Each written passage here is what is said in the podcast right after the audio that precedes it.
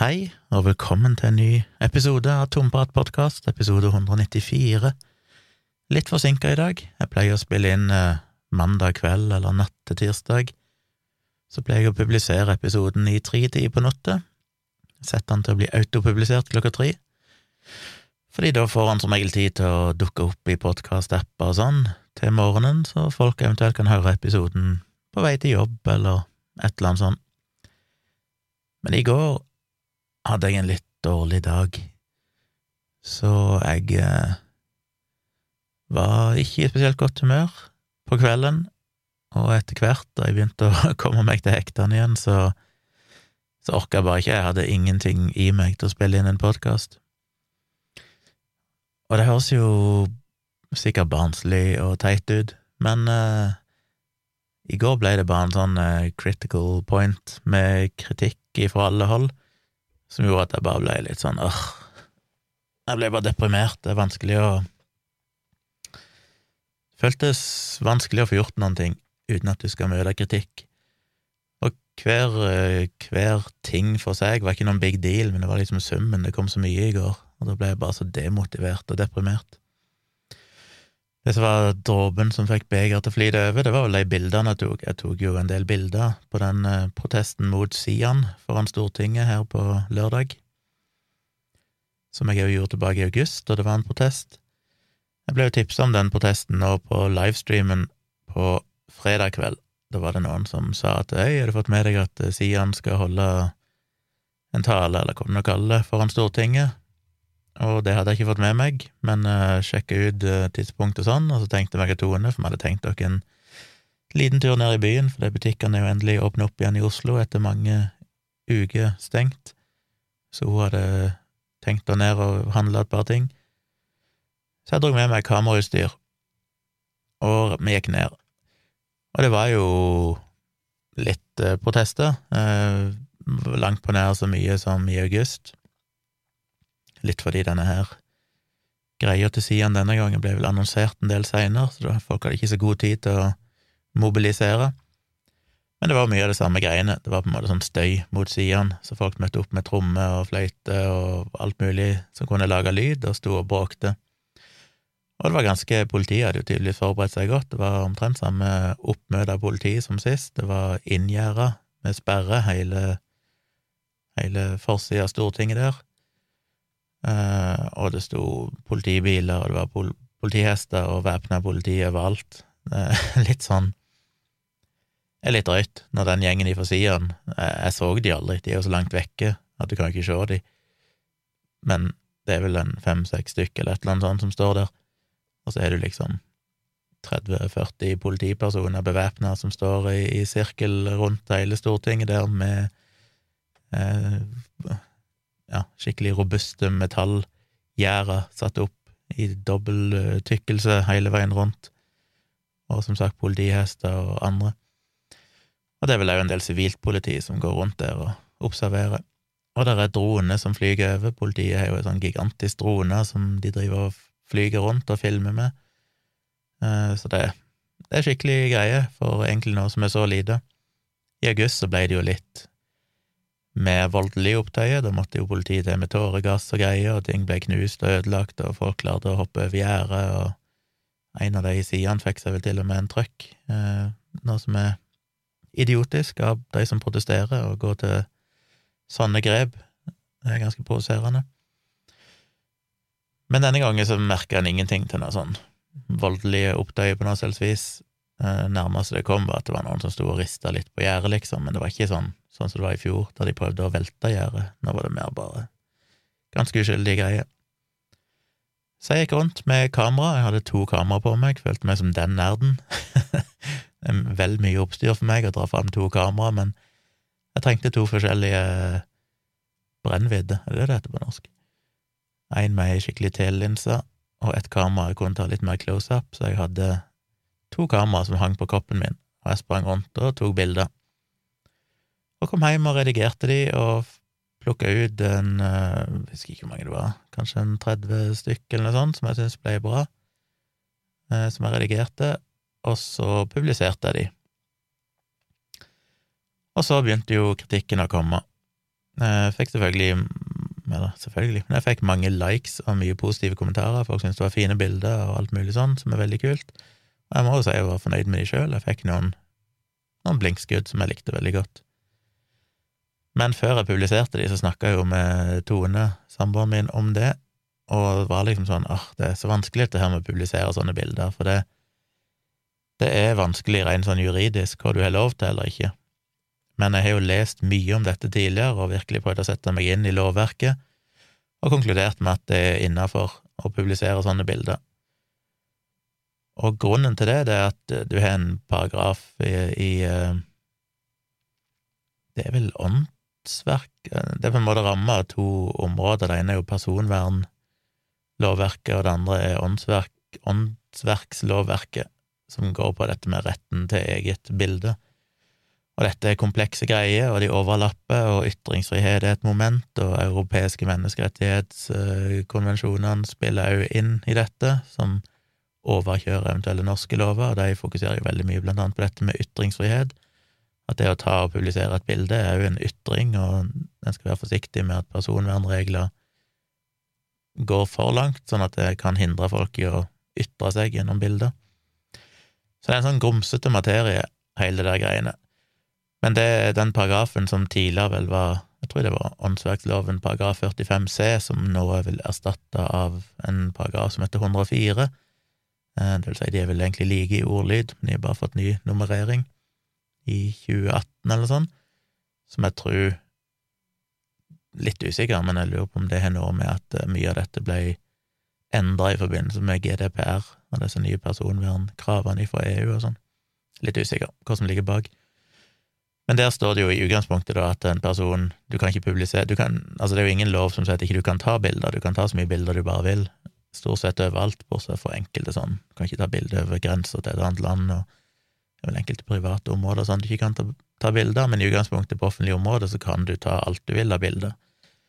Spørsmålet er jo hva kan du publisere offentlig? Og der det jo, står det jo veldig sterkt at det å publisere bilder av personer er i utgangspunktet problematisk, fordi folk eh, du, du, da er nødt til å innhente samtykke. Og så er det jo mye kompliserte greier her med hva er et samtykke, med alt mulig sånn, hvor kvalifisert er et samtykke, og eh, et samtykke må ikke være skriftlig, det er godt nok at det er muntlig, men personen må vite hvor det skal publiseres, og hvis en person gir samtykke til at du publiserer det på ja, Instagram, så betyr ikke det at de nødvendigvis har gitt deg samtykke til å publisere det i bloggen din, ikke sant, og det er sånn. Det er jo praktisk alt umulig å få et samtykke som kvalifiserer til å dekke alle muligheter, men i praksis er det stort sett ikke noe stort problem. Så i utgangspunktet så, så kan jeg ikke publisere bilder jeg har tatt av personer som kan identifiseres, fordi det bryter med lovverket. Men hvis lovverket var så firkanta, så vil det jo basically være umulig for pressen å gjøre en jobb, for da kan ikke pressen heller publisere noen bilder, og det er et problem. Så det finnes noen sånne unntak. Det første unntaket, som liksom er underpunkt A Nå tar jeg dette hukommelsen, jeg burde hatt dette foran meg, men jeg har nå lest så mye på det at jeg tror jeg husker det, og den går jo på noe, altså jeg husker ikke akkurat formuleringa, men det handler jo om eh, bilder som er av allmenn eh, interesse, og som er, som er, aktuelle, på en måte dagsaktuelle og av allmennhetens interesse. Og det er jo det viktigste unntaket som primært da pressen benytter seg av for å kunne ta bilder av ting som skjer, og publisere det uten at de må innhente samtykke av alle. Eh, men der er det jo igjen, det er jo veldig Alle som lover er jo diffuse, og som regel så må de prøves rettslig, og det finnes jo flere saker som blir referert i disse artiklene, hvis du begynner å lese deg opp på dette. Så er det jo mange saker som har vært prøvd rettslig i Norge opp gjennom årene, som da på en måte legger, legger rammene for hvordan den, disse punktene skal tolkes i loven. Men generelt sett er det jo det som har vært mitt argument, at uh, dette er en dagsaktuell hendelse. Uh, det har offentlighetens interesse. Min hensikt med å ta bildene er todelt. Det ene er at jeg ser på det som en slags sånn gatefotografi, eh, som da egentlig er kunst. Og det er kunst, altså det er det er, det er et åndsverk fordi bildet er tatt bevisst, med bevisste tanker omkring eksponering, brennvidde, redigering, hvilket objektiv som er brukt. Det er ikke bilder jeg bare knipser liksom i hytt og pine, men det er bilder som jeg jobber med for å få best mulig. Jeg velger utsnitt, jeg redigerer de, jeg velger riktig objektiv, riktig dybdeskap, er det sånn, og derfor er det på en måte opphøya til, til egentlig fotokunst. Så det er ett aspekt å ha med seg. Men hvis en ser bort ifra det og tenker mer på det som en sånn pressejournalistisk grep, så er det jo fordi det er en dagsaktuell hendelse, og jeg syns det er viktig å dokumentere, og jeg er jo i aller høyeste grad på antirasistenes side, og de som protesterer mot sidene. Eh, og jeg ønsker, jeg syns det er et eller annet fint og viktig med å vise mangfoldet av folk som er der, vise engasjementet, vise stemningen, skildre stemningen for alle som ikke har vært til stede. Og det jeg jo fått tilbakemeldinger på, at folk syns jeg har klart å fange det veldig bra, og satt veldig pris på at de fikk et innblikk i hvordan det var. Eh, så kan en jo tenke at ja, men det er jo bare pressen som skal gjøre det, men i lovverket, og, eller i lovverket så er ikke det spesifisert noen ting om presse, men i tolkningen og folk som har drøfta dette tidligere, så er det jo ikke noen Det er jo ikke noe Altså, det er ikke noen sånn eh, beskytta tittel å være journalist, eh, og det er ikke noe som sier at hvis du er en amatør, så opererer du på en måte under de samme vilkårene. Jeg ønsker å formidle noe via bloggen min eller via Facebook-sida mi, så er det på en måte òg det samme som det en journalist gjør, selv om det kanskje havner i NRK eller VG eller annet sånt. Så der er det ikke noe skille. Det er ikke sånn at du må være pressefotograf som leverer bildene til et etablert mediehus for at dette skal gjelde. Det gjelder for alle disse unntakene. Så er det et annet unntak, punkt C, som handler om at eh, hvis det er offentlige forsamlinger, protester, demonstrasjoner, alt mulig sånn, eh, så kan du ta bilder. Tanken og hensikten med det er jo at da tar du ofte et bilde som kan involvere flere personer, for eksempel et eh, tog, protesttog eller noe sånt, og da vil det være praktisk umulig å innhente samtykke for alle som er med. Så for at det skal være mulig for eksempel for pressen å kunne dekke den type protester uten å måtte springe rundt og få samtykke av alle, så er det et unntak for det òg.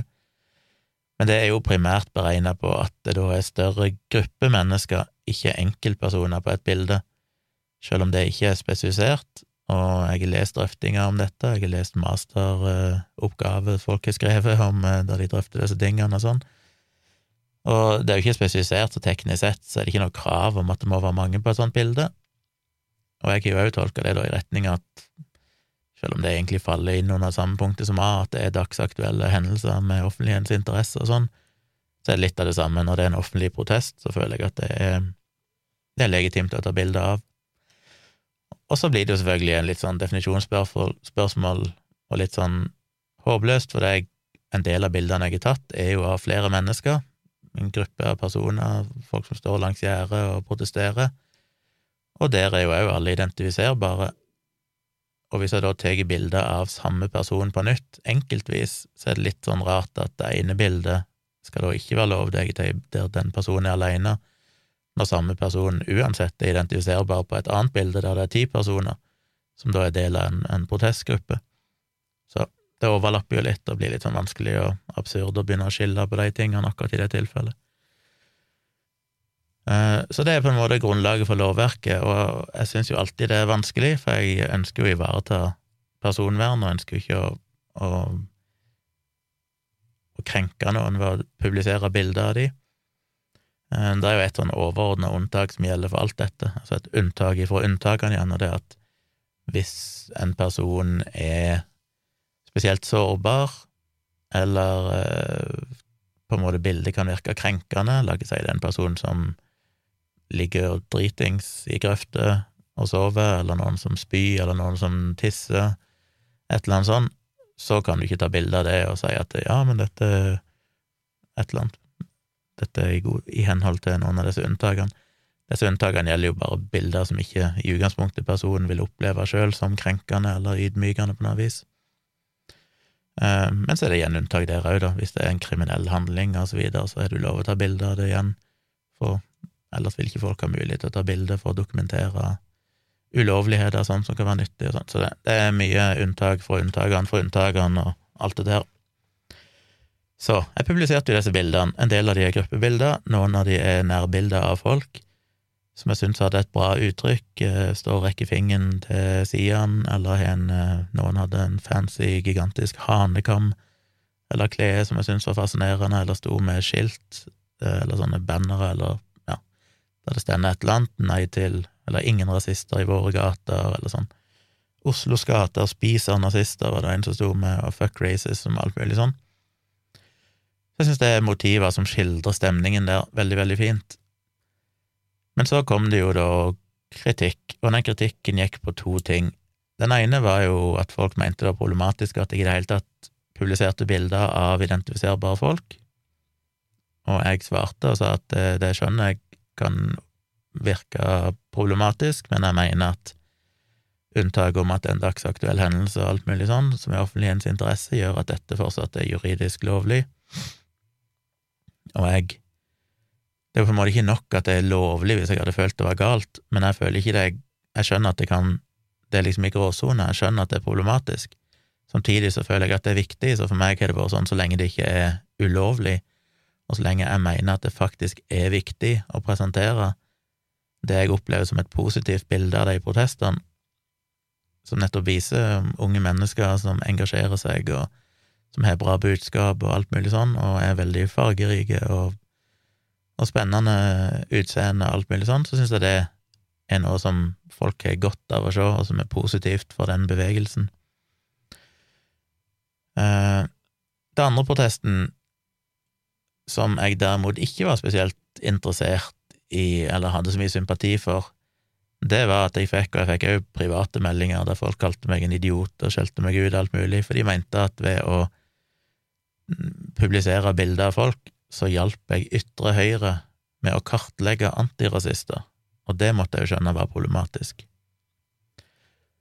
Og da ble jeg litt sånn eh, jo da, jeg skjønner hva du sier, men hvis du møter opp på et arrangement som er annonsert i media, der det er pressefotografer overalt, der det er kamerateam fra TV-kanaler som filmer, der det er youtubere Jeg så jo blant annet han der tappeduden, han der Tappelino, eller hva han heter, for YouTube, han gikk jo rundt der med en GoPro på, kam på kamera på brystet og filma alt. Eh, jeg vet tidligere, fra forrige protest, var det jo mange som livestreama det rett på YouTube, direkte ifra mobil eller andre ting. Hvis du møter opp på en sånn plass, der du vet at det er kamera overalt, at ting blir filma, livestreama, der ytre høyre sjøl har all anledning til å gå rundt i sivil, holdt jeg på å si, anonymt blant folk med GoPro-kamera eller fotoapparat eller mobiltelefon, og dokumentere akkurat så mye de vil sjøl. Hvis argumentet ditt mot bildene da er at jeg har tatt bilder av folk, og det kan ytre høyre misbruke, så tenker jeg at det er faktisk ikke mitt ansvar. Hvis du med full vitende kommer til et sted der du vet at det kommer til å være presse og kamera og youtubere og fotografer, og så er du redd for å bli identifisert, eller redd for at noen skal ta bilde av deg, da er du kommet til feil sted. Da møter du faktisk ikke opp der. Om så jeg ikke tok bilder, så vil det fortsatt være 15 andre aktører, minst, som var der og tok bilder, eh, og filma og livestreama alt mulig. Eh, såpass må du på en måte være klar over. Så tenker jeg òg at du må faktisk kunne stå for det. Jeg har jo blogga mot Frp, mot Sian, mot eh, rasistiske holdninger i alle, alle år, og jeg har fått ekstremt mye piss for det. Jeg har blitt hengt ut, jeg har fått eh, trusler tilsendt. Eh, det er selvfølgelig ubehagelig, men jeg vil ikke ha oppretta en anonym blogg av den grunn fordi jeg skulle unngå det. Jeg føler jo at ok, det må jeg ta, jeg står for det. Hvis du møter opp og skal stå og protestere mot Sian, så er det et eller annet med hvis du mener at du skal gjøre det totalt, uten at du skal liksom gjøre det helt anonymt, uten at noen skal kunne knytte deg til handlingen, da kan du like godt holde deg hjemme. Du må i det minste kunne stå for det. Det var litt morsomt, og han ene som kritiserte meg, og som jeg òg tilfeldigvis da viser seg jeg hadde tatt et bilde av, sendte meg melding det var to personer som sendte meg melding og spurte om jeg kunne fjerne bilder av de. Den første var ei som ikke hadde noe imot bildet i seg sjøl, og at jeg hadde publisert det, men hun sto i en uniform, jeg lurer på om det var Securitas eller noe sånt, og hun sa at det var ganske strenge regler for hvor de kunne bruke uniformen, eller hvilke settinger de skulle gå med uniform. Eh, og hun hadde kanskje kommet hjem fra jobb, på vei hjem fra jobben eller sånt, og så blitt stående der i protestene en periode, og så tok jeg bilder, og så hun syntes det var litt dumt, men hun syntes bildet var kjempefint og sånn, og syntes det var dumt å måtte ta det ned, men om jeg kunne gjøre det. Så jeg tok det jo ned umiddelbart, og så sendte jeg originalen, så sa hun her er du. bilde, så kan du jo bruke det sjøl, eller iallfall ha det, hvis du har lyst på det. Og så var det han andre, da, som ba meg ta ned bilde av seg, som var en av de som òg kritiserte i kommentarfeltet. Og det ironiske med det bildet var at det var et nærbilde, der han står med megafon som dekker munnen. Han sto med et tørkle som er helt opp under nesa, eller over nesa og rundt hele ansiktet, ikke bare en sånn munnbind, men et tørkle som er knytta rundt ansiktet, mørke solbriller og caps, så du ser ingenting av ansiktet hans. Så sånn sett så er ikke det bildet engang ramma av lovverket, for det er ikke et identifiserbart bilde, selv om det er jo en lang og komplisert debatt om hva som gjelder som identifiserbart. Hvis far din kunne kjent deg igjen på det bildet, er du da identifiserbar, eller handler det om andre? Sånn, og det finnes det jo mye drøfting om sånn rent juridisk, men, men i prinsippet så kan du ikke se på det bildet av han, for eksempel hvis du da var ytre høyre, og finne ut hvem denne personen er, for han dekker til hele seg sjøl. Eh, så det er jo litt sånn absurd at du har et bilde der du ikke er gjenkjennbar, men allikevel så ville han ha det tatt ned. Men selv om jeg mente at de hadde lovverket på min side, sånn, så, så diskuterer jeg ikke det, det respekterer jeg bare. Hvis noen sier du, jeg vil ikke ha det bildet der, så tar jeg det ned uten protester.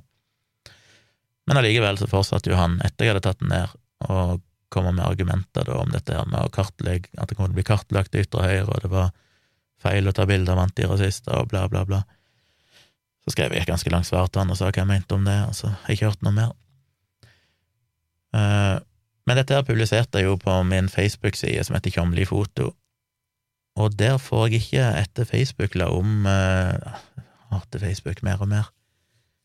Jeg fikk ikke notifications på kommentarer der, så jeg hadde ikke fått med meg at det var kommet så mye kommentarer. Så jeg hadde fått med meg litt av de greiene, men så seint i går kveld så gikk jeg inn for å se på noe der, og så plutselig oppdaga jeg at shit, der er det jo masse kommentarer, og der var det òg dukka opp en del sånne ja, folk som tydeligvis støtta sidene, som skrev idiotiske ting, eh, delvis ufine mot andre folk og sånn, eh, inklusiv meg, selvfølgelig. Og da syns jeg Så hadde det jo kommet flere som drev og kritiserte meg for å ha publisert disse bildene, og da kom det til et punkt Jeg hadde jo skrevet et par svar der jeg argumenterte for hvorfor jeg mente dette var greit ifølge lovverket og, og sånn, men da kommer det til et punkt der det er sånn at ok, hvis det er så mange som er misfornøyd, jeg orker bare ikke masse krangling om det, da er det ikke verdt det, liksom. Eh, så jeg endte opp med å bare slette alle bildene. Fjerna de, og sletta jo alle bildene fra protesten i august, som jeg òg hadde lagt ut på fotosida mi, selv om jeg ikke fikk de samme kritikken der, merkelig nok, for det var akkurat samme type bilder. Eh, jeg fikk vel én kommentar der òg tilbake i august i fjor, der en mente at det var kanskje problematisk, og så svarte jeg han og henviste til lovverket, og så ble det ikke noe mer diskusjon. Men eh, men ja, så det gjorde meg litt sånn deprimert, for det er sånn ah, Jeg synes dette var fine bilder, jeg synes det var viktige budskap å publisere de, og så er det så mange som bare blir sure. Og de blir liksom sure for begge sidene. Både Sian-tilhengeren er forbanna, og eh, de som protesterte mot Sian, som jeg stort sett hadde tatt bilde av, var forbanna. Og det var et eller annet med det at det er så kjipt når du prøver å gjøre noe, det føles som at dette var jo meint positivt. Dette var ment som noe bilder jeg var stolt av. Jeg håpte folk skulle like de, jeg håpte jeg hadde klart å skildre eller fange en stemning, dokumentere noe viktig, og så blir det bare mye piss, så Så det var det, pluss uh, at det ble Ja, det var andre ting òg som var liksom negativt i går, så det ble liksom så mye, så da bare gikk jeg litt i grøfta og tenkte fuck it. Hvorfor skal jeg gidde å gjøre noen ting som helst når det bare blir diskusjoner og kranglinger ut av det. Så da ble det ikke noen podkast i går. Og da har dere fått litt av den, eh, mine tanker rundt det. Så jeg er litt usikker på hva jeg skal gjøre i framtida. Det jeg syns var litt interessant når jeg leste litt mer om lovverket, er jo at jeg har jo ofte tenkt at gatefoto er problematisk. Selv om det er noe av det jeg syns er gøyest. Jeg kunne kommet med kamera i Oslo, for eksempel, og så knipsa bilder av folk og hendelser som jeg syns er spennende. Det er jo jeg tenkte helt umulig, fordi, ja, på grunn av dette lovverket, jeg kan ikke publisere et bilde av en person uten å innhente samtykke. Uh, og nettopp derfor har jeg jo møtt opp på ting som Pridefestivalen og disse protestene, fordi at der har jeg ment at det var unntak, fordi at da er det snakk om dagsaktuelle hendelser og store forsamlinger og alt mulig sånn. Så det jeg jo likt veldig godt at der har jeg følt at dette er en frisone der jeg faktisk kan ta bilder og publisere. Mens gatefotoen jeg leste nærmere sist nå, så oppdaga jeg at eh, der er visst lovverket mer diffust, fordi at det blir i utgangspunktet regna som kunst. Og det finnes jo mye utstillinger og trykk og alt mulig av folk som driver med gatefoto, inklusive i Oslo, der ikke de som er avbilda, har samtykka til bildet, men der det ser ut til å falle utenfor lovverket fordi det blir regna som at det, er, ja, at det er et kunstnerisk verk, og da trenger du ikke lenger innhente noe samtykke. Så det gjør meg jo litt mer usikker igjen hva som er greit, for det har jeg jo veldig lyst til å gjøre, men jeg har jo styrt unna det, men kanskje det er innafor. Uh, og hvis jeg Og selv om jeg mener at det var innafor å publisere de bildene jeg gjorde av den protesten mot Sian, så tenker jeg jo at neste gang det er noe sånt, så må jeg rett og slett bare gå rundt og spørre om samtykke, da. Selv om jeg mener at det teknisk sett ikke er nødvendig, og det gjør ikke pressen, alle i pressen som er der. Går ikke rundt og spør om samtykke, de tar jo bilder av det som skjer, og publiserer det. Um, så jeg får se om jeg tør det. Problemet er at jeg kan ikke innhente samtykke før jeg tar bilde, og det er jo ikke noe krav om heller, for det er ingen som kan nekte meg å ta bilde. Eh, for hvis jeg begynner å spørre om samtykke før, så får jeg jo sånne folk som står og poserer på bildene, og det er jeg ikke interessert i. Jeg er jo interessert i å fange genuine, ekte øyeblikk. Så det blir jo i så fall å ta bilder av folk, og så eh, gå bort etterpå og si at hei, du tok noen bilder av deg som jeg syns ble veldig fine, er det jo ok for deg at jeg publiserer det? Og det er jo en høy terskel for en introvert eh, person som meg, som ikke er så glad i å snakke med folk. Så jeg får se. Jeg må få snakke med noen. Hvis det er noen av dere som hører på, som kjenner lovverket og har noen tanker om dette Jeg synes fortsatt det er litt sånn håpløst at jeg ikke skal kunne ta bilder på en offentlig demonstrasjon og publisere. Og jeg er jo ikke interessert i å bare ta et oversiktsbilde, det vil jeg nok uten tvil hatt lov å publisere, det er jo disse nærbildene av folk som er problematiske, men det er jo de jeg føler har en kunstnerisk verdi, for da kan jeg fange mye mer sånn uttrykk og personlighet og øyeblikk og sånn. Det var jo basically alle jeg tok bilde av, hadde jo ansiktsmaske på og eventuelt solbriller, så en kan jo uansett diskutere hvor identifiserbare folk er når de har dekka ansiktet sitt. Det vil jo nesten være som å sladde de, eh, og da er det jo lov. Men eh, noen av de har jo veldig spesielt utseende òg. Hvis du har en, en 20 cm høy hanekam, rød hanekam, så er det klart at om du så har munnbind og sånn, så er du ganske så identifiserbar uansett i, i befolkningen, men det er jo liksom òg et valg du har tatt, da, å være spesielt identifiserbar, så kompliserte greier. Og jeg tror ikke det er noen som har noe fasitsvar. Teknisk sett så er jo alle sånne ting du må tolke lovverket så godt du kan, og så kan du risikere at det blir prøvd rettslig. Generelt sett er det ikke noe stort problem, fordi jeg har sånn veldig strengt eh, streng praksis at jeg alltid fjerner et bilde hvis noen spør om det, og jeg tror ikke retten ville ha gidda å blande seg inn i en sak der du faktisk tok ned bildet umiddelbart når du ble påpekt, så lenge det ikke er brukt kommersielt eller noen sånne ting. Eh, men i praksis er det jo vanskelig å vite hva som er det rette her. Så ja, hør gjerne fra dere hvis det er noen av dere som er eksperter på jussen her og har noen tanker om hvor grensene går for hvilke bilder en kan publisere. Um, jeg hadde et par ting jeg ville snakke om. Jeg fikk jo Jeg har ikke helt tenkt gjennom hva jeg skal si om dette, men jeg fikk et tips igjen fra Erik, eh, en av mine lyttere, som skriver i etterkant av episoden din om farlige ord og litt av diskusjonen i livesendingen på fredag, lurte jeg på om du kanskje vil si noe om FrPs forslag om å slå ned på woke-bevegelsen. Og så viser han til en artikkel i VG. Du har jo snakket om det mye, men er identitetspolitikk nødvendigvis galt? Er det viktig at politiske partier er en motvekt til identitetspolitikk og krenkelseshysteri, som de skriver?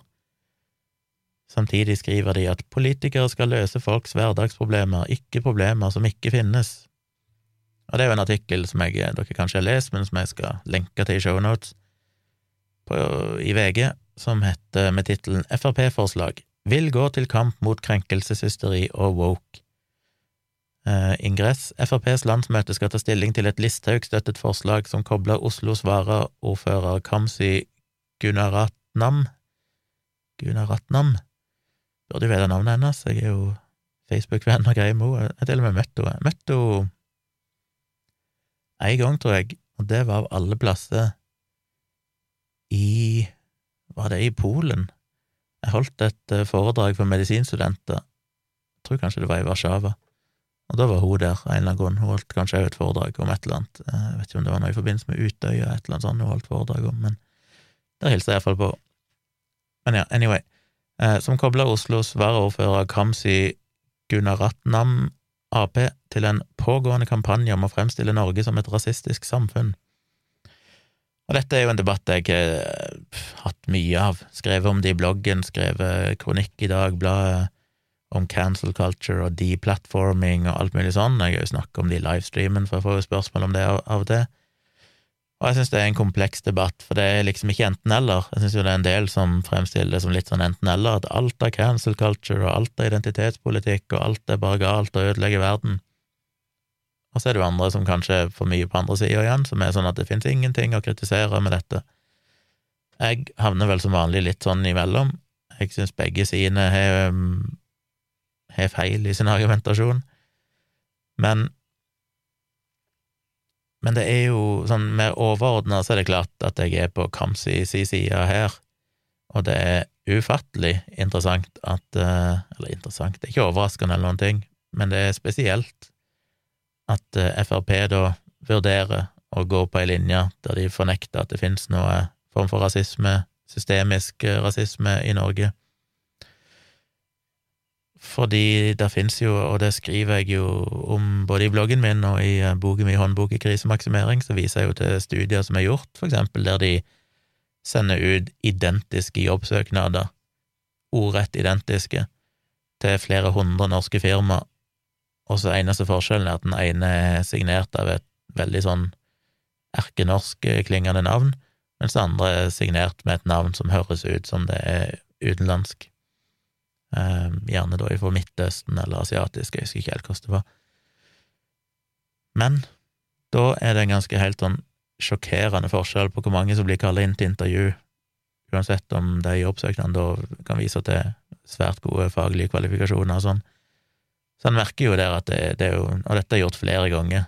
Har de gjort den type undersøkelser, og hver gang så viser det seg jo at har du et utenlandsklingende utenlandskklingende navn, så stiller du mye dårligere i jobbmarkedet og sånn. Så det er jo et, et, eksempel på en form for systemisk rasisme. Så er det jo folk som diskuterer systemisk rasisme. Noen mener at det må være nedfelt i lovverket for at det skal være systemisk.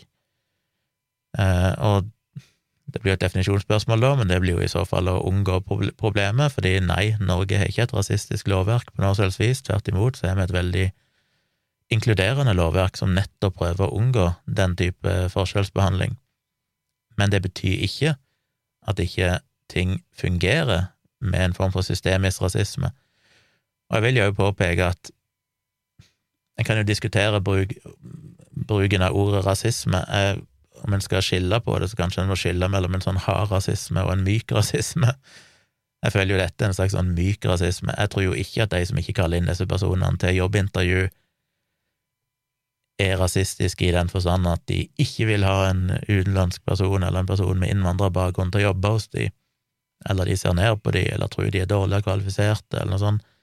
Jeg tror mer det bare handler om at eh, det er litt skummelt. Folk syns det er litt sånn vanskelig å vite hvordan skal jeg forholde hva skal vi forholde dere til en person med muslimsk bakgrunn på jobbstedet her, vil det skape noen problemer, må vi tilpasse oss, eh, kan de språket godt nok, eh, er det liksom noen kulturelle forskjeller som vi bare helst ønsker å ikke måtte forholde dere til, uten at det nødvendigvis betyr at de er negative til folk med innvandrerbakgrunn i utgangspunktet. Eh, så, så, det blir en form for Det er jo rasisme i den forstand at du du tillegge en person egenskaper basert på et navn. Det er litt som ja, for å bruke Wasim Sahid som et eksempel. Det er jo et navn som hvis det hadde stått på en jobbsøknad, kanskje noen ville synes at ah, det er litt sånn skummelt. Eh, høres jo litt sånn rart ut, men i realiteten så er jo han og Kaveh Rashidi og disse folkene er jo sikkert De føles jo mer norske enn meg. Det er jo folk som faktisk følger norske tradisjoner og går på ski og, og sånne ting. Eh, og snakker jo perfekt norsk og er jo så sett 100 eh, oppvokst i Norge. Så det er jo kun navnet, da, som i så fall blir en sånn greie som høres skummelt ut, men i praksis er det jo selvfølgelig ingen forskjell på deg og enhver annen eh, nordmann som har vokst opp i Norge. Men det vet en jo kanskje ikke, en er liksom bare redd for at kanskje dette er en, en person da, som har bodd i Norge kortere tid og sliter med språket og alt mulig sånn. Så det tror jeg er viktig å huske på, at jeg tror ikke nødvendigvis mye av dette her betyr at det er en sånn reell rasisme, men det er fortsatt en forskjellsbehandling, og det er fortsatt et problem, uansett hvilken merkelapp du setter på det. Og det ser jo ikke Frp ut til å ville anerkjenne, og jeg ser jo mange folk, sånn type Rollnes og Espen Goffeng og disse folkene, som er veldig opptatt på Facebook og i andre kanaler å få fram at det er jo ikke egentlig noe sånn rasisme i Norge, dette er bare tull. Eh, det er liksom som at hver gang det faktisk skjer noe dypt rasistisk, enten i mindre skala eller ja, de kroneksemplene med de terroraksjonene vi har hatt i Norge som har vært rasistisk motiverte, så blir det alltid bare unntak, liksom. Ja ja, det skjer jo av og til, ikke sant, det er unntak, men det er ikke noe systemisk rasisme, som jo er veldig blindt, hvis en da faktisk ser på de studiene som er gjort, av forskningen, og hører på folk sine opplevelser. Uh, og igjen, jeg tror jo folk, litt som jeg snakka om tidligere, dette med at folk tenker at for at det skal være rasisme, så må det være vondt meint. Og det tror jeg ikke. Jeg tror veldig mye av rasismen ikke er vondt meint. Det handler mer om fremmedfrykt og usikkerhet, og folk vet ikke helt hva de skal forholde seg til folk som er annerledes med tanke på kultur og språk og sånn. Men det er fortsatt like vondt og problematisk for den det rammer, selv om det ikke i går så vondt meint. Så jeg tror det er der Fremskrittspartiet òg kommer litt til kort, og de skjønner ikke det at eh, Jeg opplever jo det òg når jeg har hatt livestream og dette temaet er kommet opp, så er det jo noen som er veldig opptatt av at å på en måte bortdefinere alt som kan oppfattes som rasistisk, fordi at det ikke er egentlig rasisme. Eh, litt som med det der Sian-greiene. Noen vil jo si at Sian er ikke rasistiske, de kritiserer bare islam. Eh, for det første er jo det feil. De er jo definitivt Jeg skal ikke si at alle som er medlemmer av Sian, er rasister, men det er jo ikke noe tvil om at det finnes aktører i Sian som helt åpenbart er rasistiske, eller er rasister, uavhengig av om de òg ønsker å kritisere islam. Men mer generelt sett vil jo jeg hevde at det fortsatt er, en, er faller inn under definisjonen av rasisme, og det diskuterte vi i en av livestreamene mine, der jeg òg leste opp definisjonen i Store norske leksikon, som òg poengterer at rasisme òg kan handle om å, å definere individer ut ifra gruppen de tilhører, basert på for eksempel religion.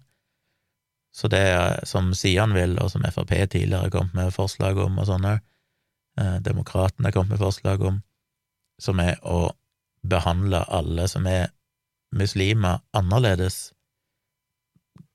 kun basert på at de er muslimer, er jo rasisme. For da sier du at eh, en person som er muslim, bare i kraft av å tilhøre gruppen muslimer, er annerledes og skal behandles annerledes og skal ha andre rettigheter og muligheter enn resten av befolkningen. Og det er jo definisjonen av rasisme, bortsett fra at du baserer det på eh, religion heller enn på holdt på å si, gener eller hudfarge. Men så er det jo bortimot 99% sikker overlapp mellom hudfarge og nettopp islam, som gjør at det er jo det som har vært så genialt med sidene, sånn at det har gått ifra å være det som på 90-tallet gjerne var folkeaksjon mot innvandring, sånn FMI, eh, og folk som var helt sånn åpenlyse rasister, der det var bare ja, der det var bare snakk om hudfarge, egentlig, eh, til at det på en måte ikke var legitimt lenger, litt etter ting som skjedde, drapet på Benjamin Hermansen og sånn, som gjorde at mye av det døde vekk. Og så etter hvert så begynte det å vokse fram igjen, men da var det plutselig islamkritikk. Men det var jo gjerne de samme folkene, og det var ungene til de folkene som tidligere var medlemmer i FMI på 90-tallet. Eh, så nå kalles det bare islamkritikk. Og i stor grad så er det jo det samme det handler om. Det handler om at folk er redde for de som er annerledes og kommer med en annen kultur, og, og sånn. Argumentene og, og påstandene er jo mye de samme, enten de fokuserer på hudfarge eller de fokuserer på religion. Så det er veldig tonedøvt, selvfølgelig, Frp å ikke anerkjenne det, men det er jo veldig forventa av Frp, og det er den der klassiske som jeg har snakka mye om, som enten det gjelder transpersoner eller det gjelder andre, dette her med å prøve å definere et verdensbilde ut ifra hvordan du opplever det, heller enn å akseptere at folk kan oppfatte det annerledes enn deg, og du må faktisk lytte til dem. Og det har jo da Frp er jo liksom Det er jo et parti som har gjort det til sin politikk, og ikke kunne se behovene og livserfaringene og sånn til folk som ikke representerer den eh, ja, den eh, store majoriteten av befolkningen. Alt som er utenfor opplevelsene til Siv eh, Jensen og Sylvi Listhaug og, og co., er jo opplevelser som egentlig ikke er verdt å høre på og som da må bortforklares med at det er deres egen feil, enten fordi de er lade eller fattige eller har feil religion eller feil eh, bakgrunn på et eller annet vis. Så det er klart at eh, de opplever dette som en trussel. Og jeg skrev jo en kronikk i Dagbladet, eller et essay, eller hva du skal kalle det, tilbake i 2018. Jeg ble vel spurt av eh, noen i Dagbladet om å skrive noe om det, for jeg hadde skrevet en bloggpost der jeg tok for meg dette med deplatforming, om det var riktig at eh, det var et stort problem nå at folk som hadde blitt invitert til å holde foredrag og sånn på amerikanske universiteter, plutselig ble avinvitert på grunn av at noen mente at de kunne ha krenkende budskap. Og jeg lurer på om jeg skal bare lese det i full fart, og ta det som en liten sånn oppsummering, uten at jeg skal diskutere dette så mye mer. For jeg syns dette med identitetspolitikk og sånn er interessant, fordi at ja, det kan både være problematisk, det det blir jo på en måte litt sånn som det vi ikke ønsker at rasistene skal gjøre, nemlig å definere individer på, på grunnlag av grupper de tilhører. Og samtidig så er dette med identitetspolitikk positivt og viktig, som jeg kommer litt innom her i essayet, fordi jeg mener at det har gjort at eh, folk som tidligere, la oss si transpersoner, altså forskjellige minoriteter på forskjellige områder, enten det handler om religion eller opphavsland, eller hvordan de identifiserer seg eh, seksuelt, eh, legning, eh, kjønnsidentitet. Ofte, jeg mener, Før internett og før sosiale medier så var jo dette gjerne du vokste opp i ei lita bygd et eller annet sted og følte du var født i feil kropp eller var homofil eller et eller annet sånt, og det var vanskelig å, å få kontakt med andre, så du, du, hadde jo egentlig ikke noen stemme i samfunnet, du var usynlig og levde gjerne i skam. Mens nettopp med sosiale medier så har jo det gjort det mulig for folk i hele verden å finne sammen. Eh, er du en person født i feil kropp på et lite sted i Nord-Norge, så kan du finne sammen med en person i Oslo og en person i Los Angeles, for den saks skyld, og sammen kan dere få en stemme som plutselig blir hørbar, og finne fellesskap. Og det er jo det jeg føler er det, det positive med identitetspolitikk, at folk gjennom en felles identitet kan finne sammen, og dermed få makt nok til å endre samfunnet. Og det er jo det som er hele problemet her, ikke sant, at disse gruppene var ikke noe i gåsehud problem for eliten tidligere, de som allerede hadde makter, fordi de hadde ikke noen stemme.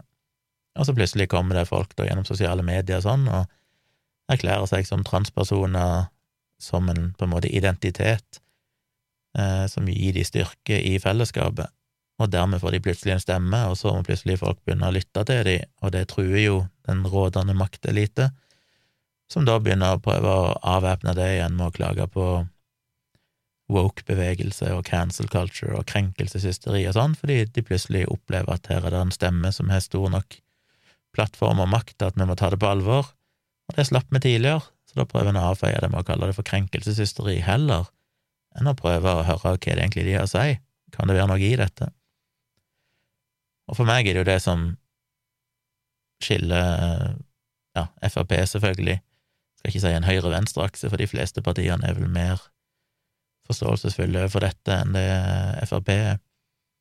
Men det er jo det som skiller politiske partier og sånn. Det er liksom graden til vilje til å ville høre på dette og si at ok, kanskje vi ikke er rett, kanskje det historisk sett er vår feil, kanskje vi trenger en endring mens Frp ser på dette som en stor trussel, som jo er deres identitet, holdt jeg på å si. Det er jo identitetspolitikken til Frp, det er jo å være redd for forandring, å være redd for alt som kommer utenfra og kan true det, det rådende systemet sånn som det er, enten det gjelder innvandring eller det gjelder muslimer med tanke på religion, eller det gjelder seksuelle minoriteter.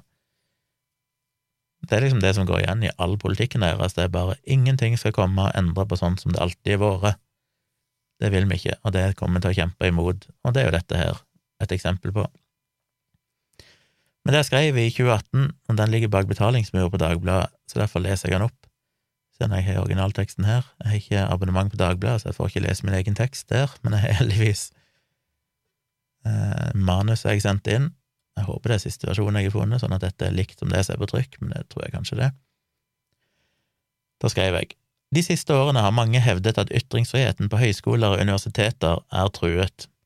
Foredragsholdere og debattanter med politisk ukorrekte meninger hindres fra å delta på arrangementer fordi studenter, skolens ledelse eller politikere griper inn og får foredrag og debatter stoppet. Andre ganger skaper studenter så mye bråk at foredragsholderen selv trekker seg av frykt for egen sikkerhet. Mye av skylden legges på aktivister fra den regressive venstresiden, som gjennom krav om safe spaces, trigger warnings og en ren sensur begrenser en opplyst og åpen meningsutveksling. Ytringsfrihet er helt sentralt for demokrati og frihet, men er det egentlig en ytringskrise på gang, eller ser vi bare de desperate angsthylene fra toppen av en vaklende maktpyramide? Universiteter og høyskoler skal være et trygt sted for tanker, ikke et trygt sted fra tanker, sier Salman Rushdie, forfatteren av boken Sataniske vers, og en mann som har måttet leve i frykt for voldelige reaksjoner på sine ytringer i tre tiår. Selv om han aldri har opplevd noe krav om sensur i akademia, har han rett i at en av de viktigste funksjonene til høyere utdanning nettopp må være å lære mennesker å tenke. Det kan man bare hvis etablerte sannheter og samfunnets normer og moral kontinuerlig utfordres. I noen tilfeller skyldes protestene at foredragsholderne rett og slett har tråkket over noen etiske grenser, som da den politiske provokatøren Milo Janapoulos outet og harselerte med en transkvinne på et universitet og dermed ble erklært uønsket. Andre, som den konservative politiske kommentator Ann Coulter, har havnet i unåde, ikke bare fordi hun har holdninger til temaer som rase og dødsstraff som bryter med spesielt venstresidens idealer, men også fordi hun oppleves som usaklig, går til personangrep og fremstår mer som en provokatør enn som en kunnskapsformidler. Felles for mange av dem som er blitt stoppet, er altså kombinasjonen av retorisk stil og manglende akademisk tyngde, mer enn bare budskapet i seg selv. Likevel har vi også sett at folk som forskeren Charles Murray blir stoppet fra å holde foredrag fordi hans kontroversielle bok The Bell Curve fra 1994 stilte spørsmål rundt rase og IQ som mange følte var ubehagelige, uriktige og potensielt farlige. Hans ytringer er saklige, forskningsbaserte argumenter og data som vi må, vi må kunne drøfte åpent, enten vi er enige eller uenige. Det samme gjelder biolog og forfatter Richard Dawkins, som er blitt stoppet av kristenkonservative fordi hans syn på evolusjon er uforenlig med enkelte menneskers religiøse ideer. Disse hendelsene er likevel relativt sjeldne. Det finnes mer enn 4700 skoler for høyere utdanning i USA, men antallet talere som er stoppet, er mikroskopisk, med rundt 20–40 hendelser årlig de siste årene. Tallene har riktignok vært økende, men ettersom også medieoppmerksomheten og bevisstheten rundt dette har steget betydelig, er det vanskelig å vite om det egentlig er noen reell forverring, og dataene tyder også på at trenden nå har flatet ut, med et estimert rekordlavt antall for 2018. Det store spørsmålet er om studenter nå er blitt mindre tolerante enn folk flest, vi kan nok starte med å slå fast at toleransen for å, for å tillate ytringer som er ekstreme eller føles krenkende for enkelte grupper, er overraskende lav i samfunnet generelt. En undersøkelse utført av Pew Research Center i 2015 fant at 28% av amerikanere mente at ytringer som kan støte minoriteter, bør forbys.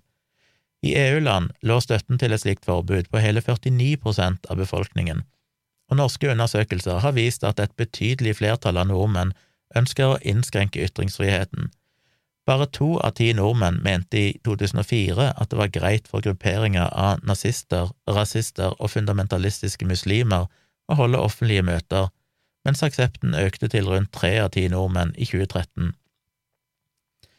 Det er altså generelt sett lav toleranse for ekstreme eller krenkende ytringer, men er unge verre enn andre? Pew sin undersøkelse viste riktignok at hele 40% av amerikanere i alderen 18 til 34 år ønsket et forbud mot krenkende ytringer, vesentlig flere enn amerikanere totalt sett.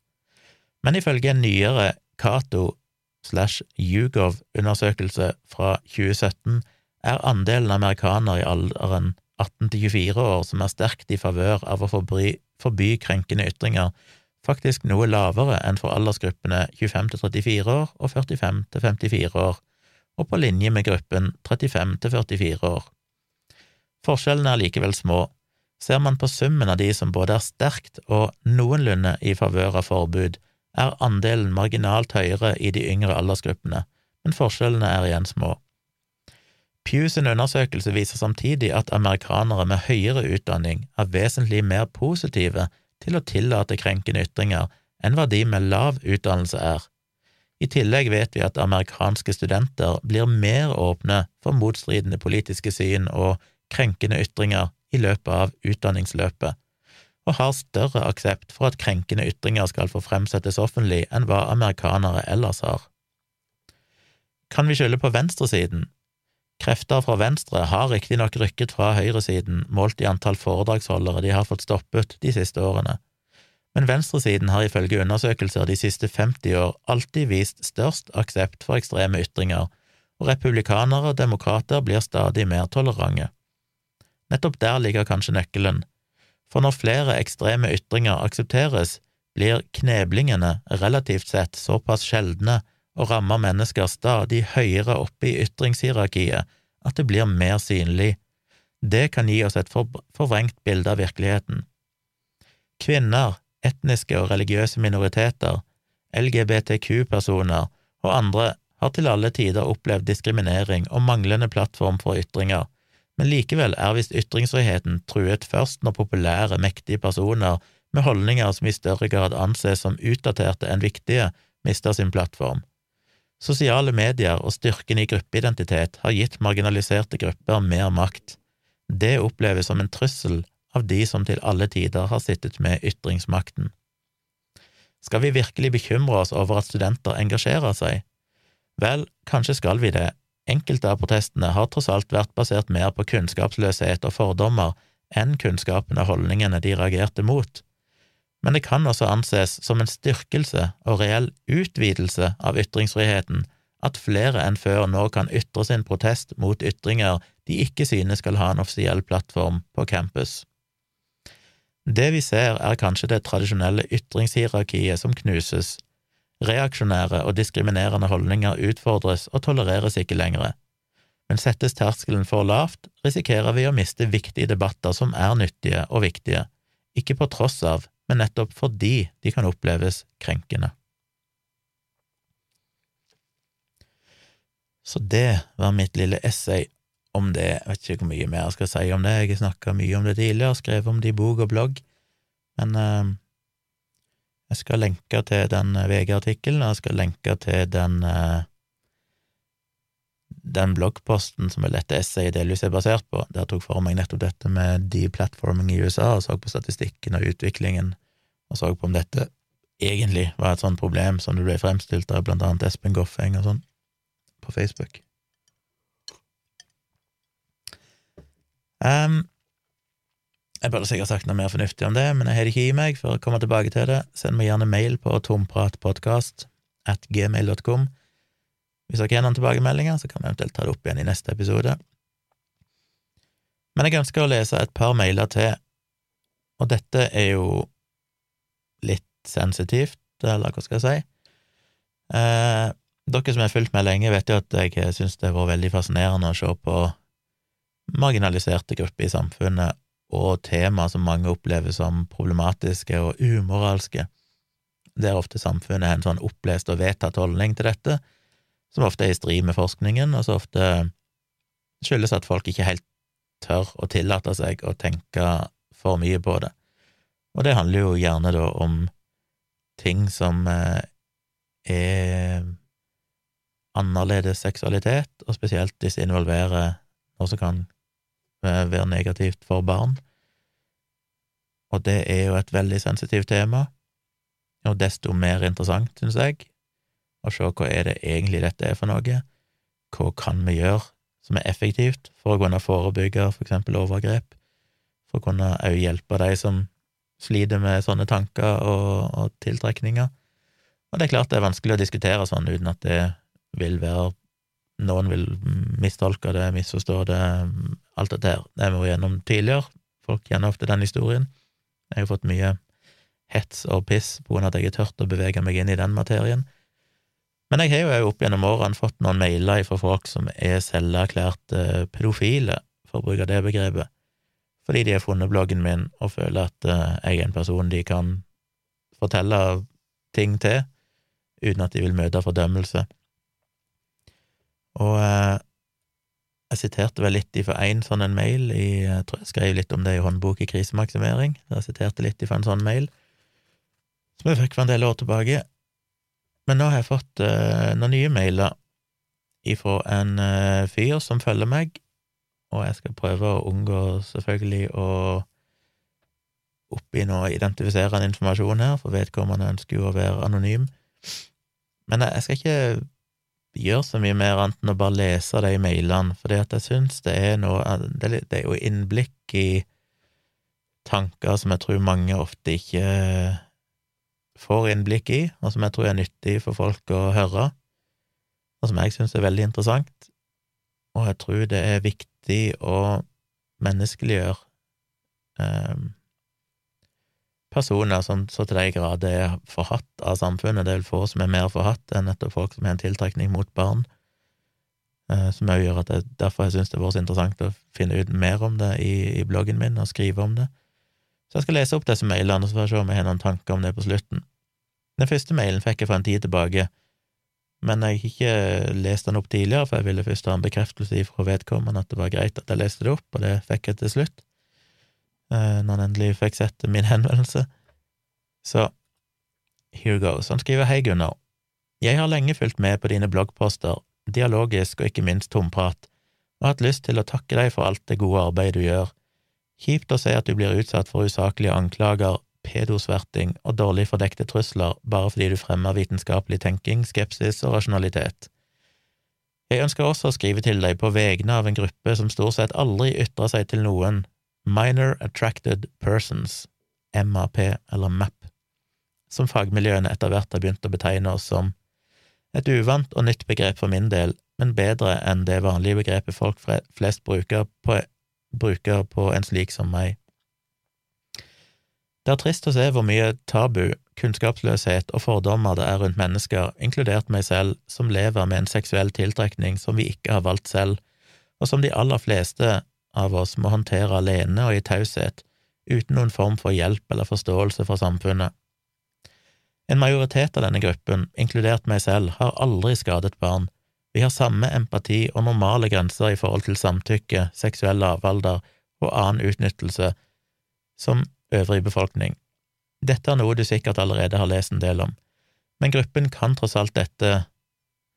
Men gruppen kan tross dette opplever mye skam, selvforakt, depresjoner og selvmordstanker, fordi vi lever med en så tabubelagt tiltrekning som for min del allerede utviklet seg fra puberteten, og som til tider har vært vond å bære på uten å ha noen å kunne snakke med.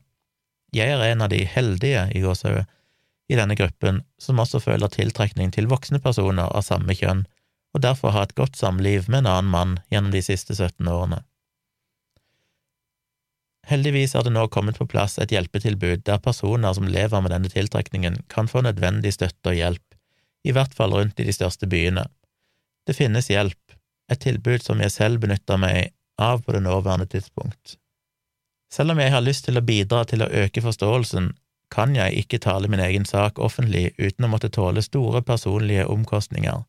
Det kan også utgjøre en fare for meg ved å kunne bli utsatt for vold og hets mot meg selv, min ektefelle eller øvrig familie.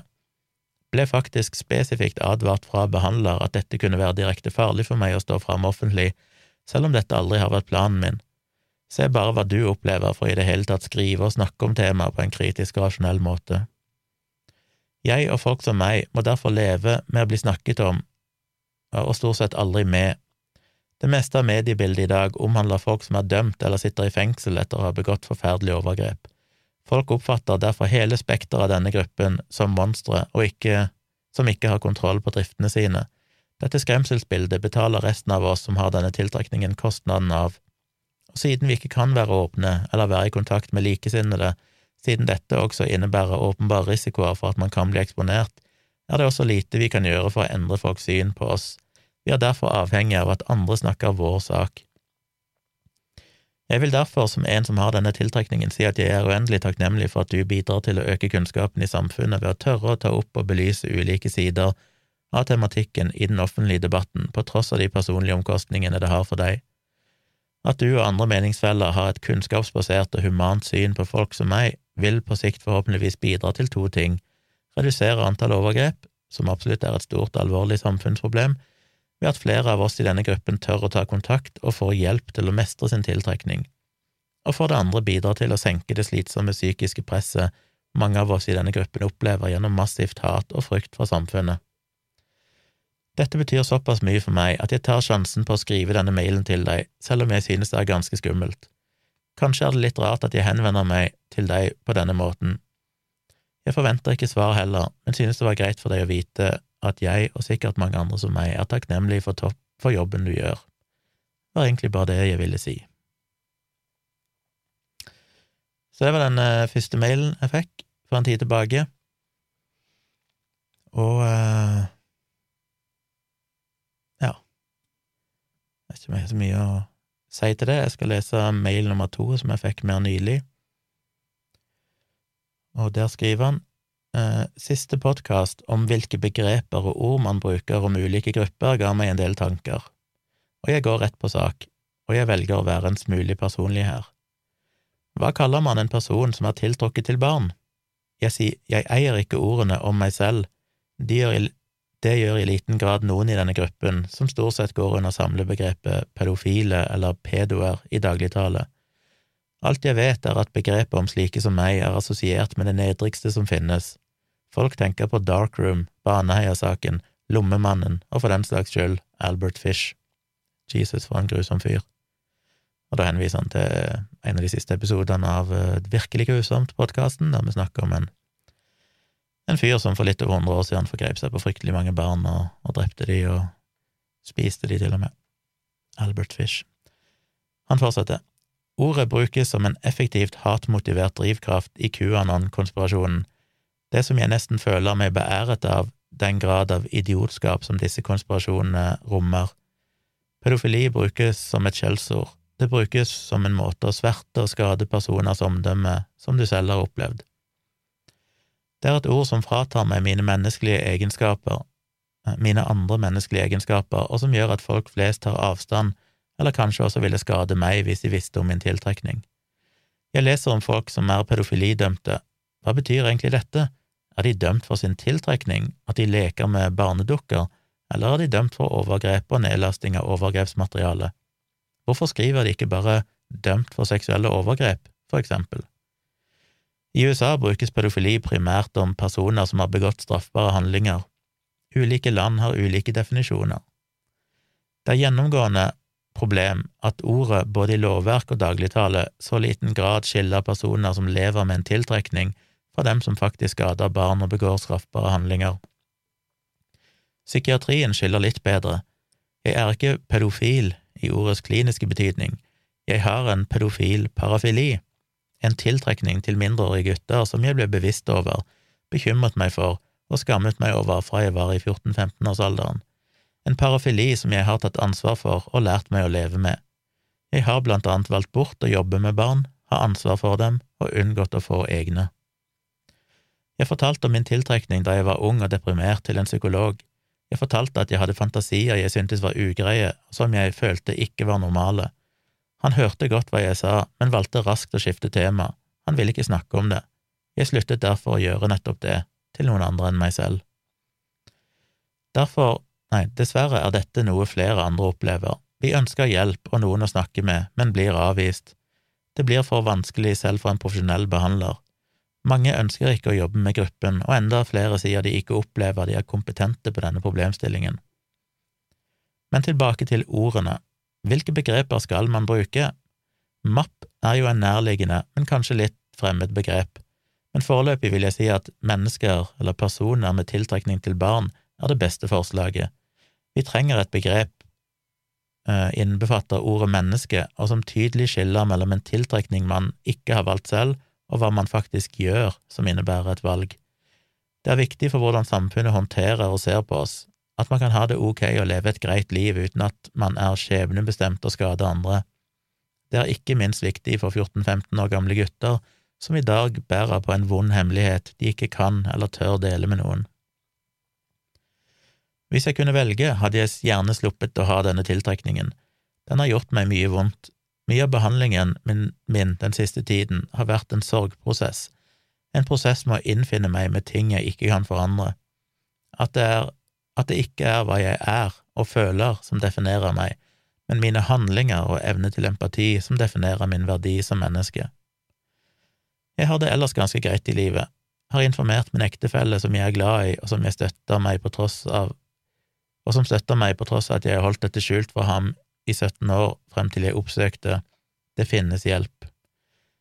Jeg har venner, jobb og jevnt over en levelig mental helse, og en er ellers en passe intelligent og jovial arbeiderklasse-homse som er glad i øl og en livestream i ny og ne. Det er dessverre skummelt å få lest opp denne mailen. Skal ikke mange detaljer til før noen kan avsløre meg Så utelater jeg litt informasjon der. Um, Men kanskje du kan snakke om pedofilibegrepet og kanskje nevnt at slike som meg finnes, så at du av og til får en mail fra en som meg. Det siste er opp til deg. Vil gjerne høre tankene dine om saken. Ja, så det var hans mail nummer to, og jeg har som sagt fått lov å lese opp disse.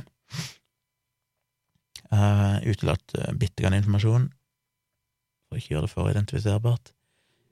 Men jeg syns jo dette er viktig, og jeg har ikke så mye å si, enten at jeg håper jo dette blir mer tydelig der han påpeker med at dette er jo en pedofili, en pedofil parafili. En parafili er jo en eller annen seksuell fetisj eller tiltrekning. Du kan ha en uh, fetisj for gummi, eller fetisj for føtter, eller forskjellige ting. Det er jo parafilier. Så det er jo mange som mener at pedofili er en parafili. Det er en, en tenningsmønster knytta til mindreårige, eller barn spesifikt, prepubertale. Uh, så er det jo andre da som mener at det er en legning, på like linje med homofili eller heterofili. Så det, det er jo litt sånn uavklart. Per nå så er det vel definert i eh, Ja, de fleste definerer det vel som en parafili. Og det er jo litt viktig, eh, det er jo veldig sentralt med tanke på behandling, for det er jo noen som mener at hvis det er en legning, så kan du ikke behandle det. Eh, altså du kan behandle det i den forstand at du kan få en person til å ikke på en måte handle etter sine lyster men du kan ikke behandle det i form av at du kan fjerne den tiltrekningen til barn. Hvis det er en ren parafili, derimot, så kan en vel kanskje behandle det um, på en eller annen måte. Det er sikkert ikke enkelt, men da er det jo på en måte, da er det jo ikke en, en legning, da er det jo noe som er tillært, som du gjerne har, har fått på et visst tidspunkt i livet på grunn av ting som har skjedd. Jeg mener, når folk har en sånn veldig sterk seksuell fetisj eller tiltrekning mot føtter eller mot eh, et eller annet annet, så er det jo veldig ofte hendelser i livet som gjør at de har fått, at de har assosiert det med, med seksualitet, eller med sex, seksuelle lyster. Og det er jo ting en kan behandle psykologisk og kanskje klare å, å gjøre noe med, ikke at en trenger å gjøre noe med det hvis det er snakk om å tenne på føtter eller gummi eller hva det måtte være, det er jo ingenting galt i det, men med mindre det plager deg som person. Men når det gjelder å ha en seksuell tiltrekning mot barn, eh, så er det jo definitivt vanskeligere. Og mange av de som har denne tiltrekningen, har jo da òg en tiltrekning mot voksne mennesker, sånn at de kan leve ut en normal seksualitet. Og det er jo en, en eh, holdt på å si, en, en befrielse. Jeg må jo si det må være aller verst for de som har utelukkende seksuell tiltrekning mot prepubertale barn eller for så vidt eh, postpubertale òg, som noen vil kalle for hebefile, de som tenner på gjerne unge tenåringer, de som nylig gjennomgått pubertet, mens pedofile er jo mer de som er prepubertale, gjerne sånn tolv år og yngre. Det er klart at du kun, hvis du kun kan tenne seksuelt på det, så er det jo mye vanskeligere, for da kan du kanskje ikke få leve ut en normal seksualitet gjennom å ha sex med, med lovlige, myndige personer, eller folk er jo seksuelle lavalder. Så det finnes jo alle typer mennesker her, men det er jo nettopp som han skriver, at eh, det viktige er jo å definere et menneske ut ifra de valgene de tar, og ikke definere de ut ifra en parafili eller en legning. Um, men jeg tror det er mange som ofte ikke helt har tatt inn over seg hvor vanskelig det må være å være pedofil. For meg så blir det litt sånn uh, Tenk deg at du Ja, tenk deg at du var homofil. Det er kanskje litt dumt, for det er et mindretall som er homofile, så jeg skal heller bruke heterofil. Tenk deg at du er heterofil, som de fleste av dere kan tenke dere. Og du er heterofil mann, og du skal leve hele livet ditt et sted der det kun er menn. Du kan aldri noensinne leve ut din seksualitet med en kvinne, som er det du egentlig tenner seksuelt på. Nå snakker jeg kun om sex i dette tilfellet. Eh, pedofili kan jo handle om, om kjærlighet, at du faktisk føler en kjærlighet overfor barn. At det er liksom romantisk, det er ikke bare det seksuelle. Eh, og der er det òg kompliserte diskusjoner om det, men la meg forholde meg til sex, siden det er det folk opplever som mest problematisk, naturlig nok. Eh, eller hvis du er en homofil mann, tenker deg at du skal leve et liv der det kun er kvinner som du overhodet ikke tenner seksuelt på, kanskje til og med synes er ekkelt å ha, ha sex med. Eh, det blir jo litt sånn å være pedofil og ikke kunne leve ut den lysten, fordi det per definisjon vil være skadelig eh, og selvfølgelig ulovlig. Som i praksis er det samme som at du er pedofil, eller du tenner på barn, men lever i et samfunn der det kun er voksne du har lov å ha sex med. Det blir liksom samme greia. Det er klart at det er forferdelig vanskelig, men samtidig så er det jo blitt mer og mer åpenbart for meg, jo mer jeg leser om det og ser dokumentarer og sånne ting, at det jeg tror mange glemmer, er jo at det er jo ikke noen Jeg tror det er jo viktig å huske på at det å være pedofil, eller det å ha en tiltrekning mot barn, ikke i utgangspunktet er annerledes enn å ha en tiltrekning mot en, å være heterofil og ha en tiltrekning mot kvinner, fordi for å forgripe seg på den personen, så må du fortsatt ha noe i tillegg til det. Altså hvis du aktivt ønsker å ha sex med en, hvis du er heterofil mann, da ha sex med en kvinne på en måte som er skadelig mot hennes vilje, på en måte hun ikke kan gi sitt samtykke, så må du samtidig gjerne være ganske kynisk, kald, narsissistisk, et eller annet sånt. Og det tror jeg nok gjelder selvfølgelig òg med folk som er tiltrukket av barn, som han som skriver mail til meg, påpeker at han er jo empatisk, han skjønner at det vil være feil og skadelig hvis han skulle leve ut sine lyster. Jeg tror vi glemmer det, at de sannsynligvis de aller fleste pedofile er jo som meg og deg, med tanke på at vi skjønner det, at du kan ikke bare ha sex med den du vil fordi du har lyst til det.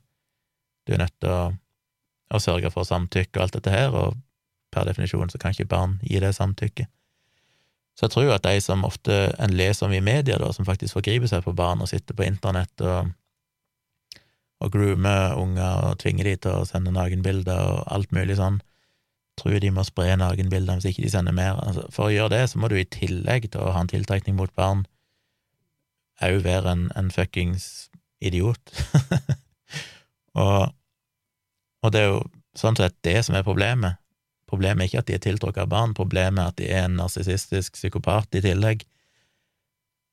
Um, og det vil jo være det samme med en person som um, han der Kopseng, for eksempel, som driver serievoldtok damer. Det er litt det samme greia. Han er jo heterofil, tenner på damer, men uh, de fleste av oss som er heterofile, går ikke rundt og voldtar damer. Vi skjønner at det finnes grenser, og du vil ha samtykke, og du skal ikke skade noen. Og det samme er det jo for pedofile.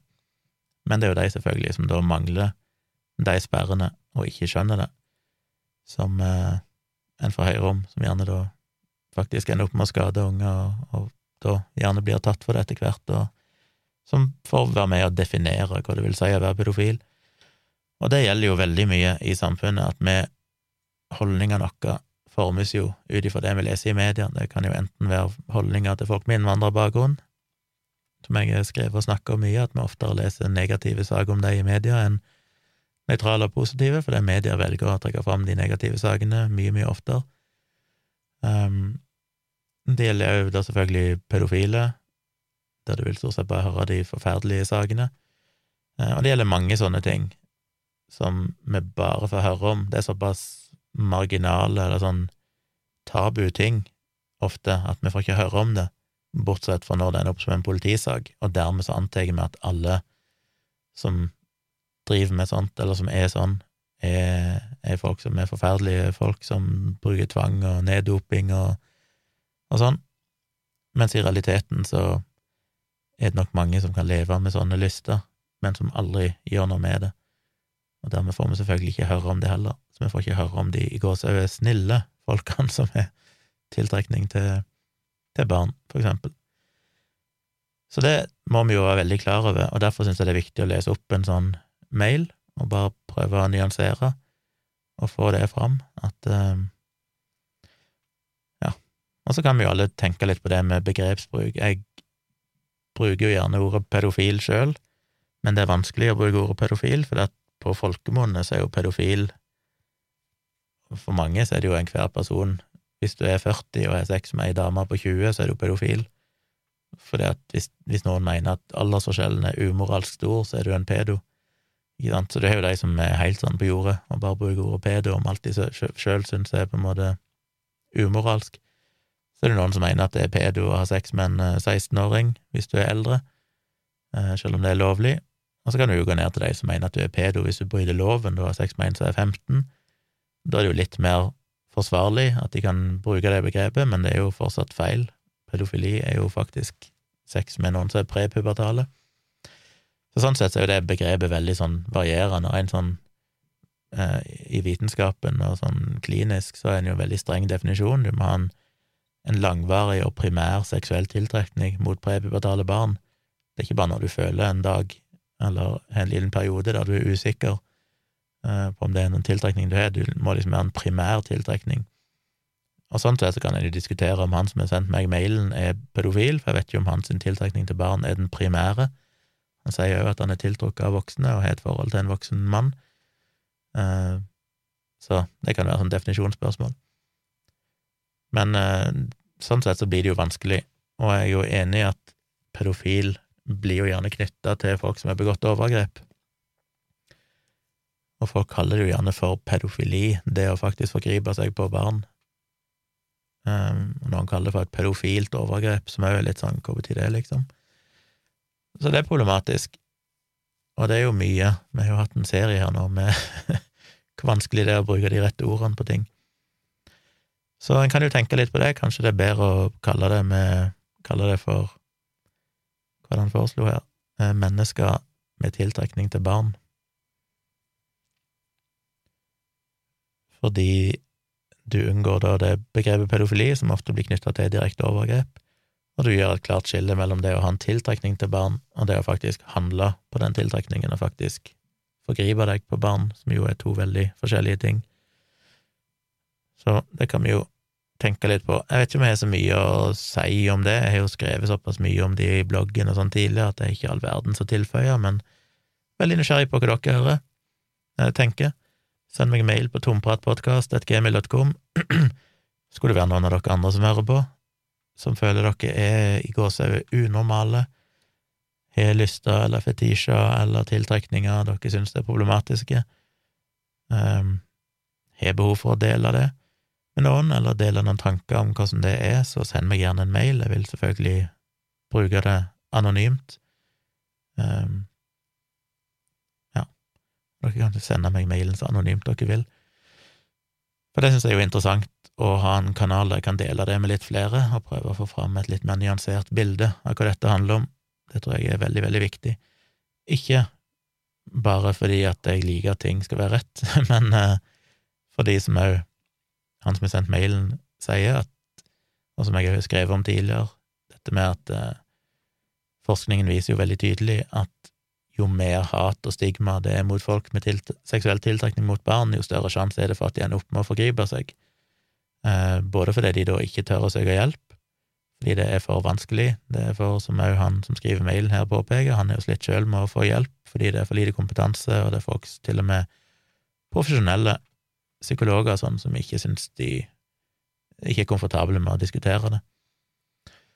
Eh, men òg fordi at det å, å snakke om det som om hvis du har den tiltrekningen, så må du forgripe deg, som gjerne som det gjerne er et slags bilde av i dag gjennom media og den diskusjonen han har om folk med den type tiltrekninger, så planter du en slags idé i hodet på dem om at å ja, jeg, det er liksom det som er skjebnen min, jeg er nødt til å ha sex med et barn og forgripe meg på et barn. Så det å vise at det går an å leve og ha den tiltrekningen og få hjelp og ikke gjøre noe med det, er veldig, veldig viktig, og derfor er det så viktig at vi snakker om det og prøver å fjerne stigma og skille veldig mellom at det er selvfølgelig forferdelig galt å forgripe seg på et barn, men det er ingenting galt med å ha den tiltrekningen, eh, for det kan en ikke noe for. Det er noe en enten er født med, det vet vi jo ikke, eller iallfall har endt opp med gjennom forskjellige hendelser i livet, eh, og som en ikke kan gjøre noe med sjøl, enten å søke hjelp, og da er det i det minste viktig at det finnes hjelp, og det, det går jo sakte, men sikkert framover, men Norge er på etterskudd. Um, og vi har vært altfor dårlige til å ta dette på alvor, fordi det har vært nettopp et problem å snakke om det, og det har vært knytta til så mye vanskelige følelser hos folk at vi klarer ikke helt å ta tak i det. Og det gjør jo bare ting verre, og det utsetter jo bare barn for mer risiko. Så hvis dere har noen tanker dere vil dele sjøl, anonymt, så vil jeg gjerne snakke om det. Hør gjerne fra dere på tompratpodkast.gmail.com. Da vil jeg bare helt på tampen føye til at Apple sin podkast-app kødder for tida. Ikke med tomprat, heldigvis, av en eller annen grunn, så funker tomprat helt fint, men eh, sånn som virkelig grusomt, hvis dere hører på den eh, Jeg har jo sett at eh, Dag Sørås lider med sin debrief med Dag Sørås-podkast. Apple gjorde jo en endring for noen uker siden. Det kom en ny versjon og et eller annet endringer på podkast-appen sin, og etter det så er det jo mange podkaster som bare ikke blir oppdatert lenger. Og jeg har snakka med Moderne Media, som jo er det overordna ansvaret for disse podkastene våre, og de sier at de får ikke gjort noe. De, Apple sier bare at de jobber med saken. Så hvis dere har opplevd at det ikke er noen uh, oppdaterte episoder av uh, Dag sin podkast, eller Virkelig grusomt, i Apple Podcast-appen, så ikke det fordi det er nå nok jeg slutta å lage nye episoder, men det er bare fordi den appen kødder. Så da kan du ja, hva kan du gjøre? Du kan bruke en annen app. Jeg vil jo anbefale Pocketcasts, som er den appen jeg bruker. Veldig, veldig bra podkast-app med mye flere funksjoner enn det Apple Podcast-appen er. Apple Podcast-appen er jo markedsledende, den har jo en betydelig andel av uh, markedet, fordi den er preinstallert og lett tilgjengelig på iPhone, som mange har. Men Pocketcasts er mye bedre. En annen app som mange liker, er jo Overcast. Overcast den ikke er så fan av, men den er utbredt og på mange måter ganske lik Pocketcast, selv om jeg syns Pocketcast er bedre. Og det finnes mange andre apper. Acast er jo en egen app, og hva er det, Podcast Republic er vel en app mange liker.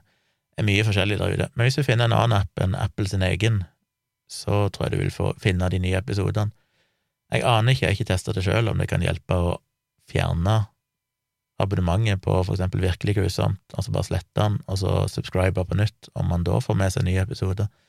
Det har jeg ikke testa, det er kanskje verdt et forsøk først, av det som løser det problemet, men eh, hvis ikke, så bruk en annen podkast-app, så vil du oppdage at det er kommet mange nye episoder. Heldigvis så funker tomprat av en eller annen grunn i eh, Apple Podcast-appen fortsatt, så derfor hører du dette. Men jeg nevner det, sånn at du kan si det til andre, tipse andre om det, hvis det er noen som føler at ikke de har fått nye episoder på lang tid av forskjellige typer podkaster som de tidligere har abonnert på, og de bruker Apple Podcast-appen. Be de, be de bytte app, rett og slett, så skal det virke igjen. Så det var min eh, lange episode. Jeg har fått flere mailer med andre tips, så jeg har mer å ta tak i på fredag. Jeg er litt usikker på om jeg skal livestreame i kveld. Kanskje gjør jeg det, og begynner sånn i kanskje i ellevetid eller noe sånt. Eh, Hvis dere rekker å høre dette før det, altså tirsdag. Litt usikker på, jeg er litt sånn lei av meg sjøl, holdt jeg på å si. Av og til blir jeg litt lei av å tenke på at jeg skal sitte i den livestreamen og prate, og der òg blir jeg litt sånn irritert av det, når det kommer folk inn og er sånn negative, sure kommentarer om det jeg driver med, som er litt sånn demotiverende. Så eh, får se om jeg føler for det seinere i kveld. Dere kan jo sjekke ut min YouTube-kanal Tvilsomt med Kjomli, og se om det dukker opp en livestream i løpet av kvelden. Jeg legger den sikkert ut et par timer før jeg går live, hvis jeg bestemmer meg for å gå live.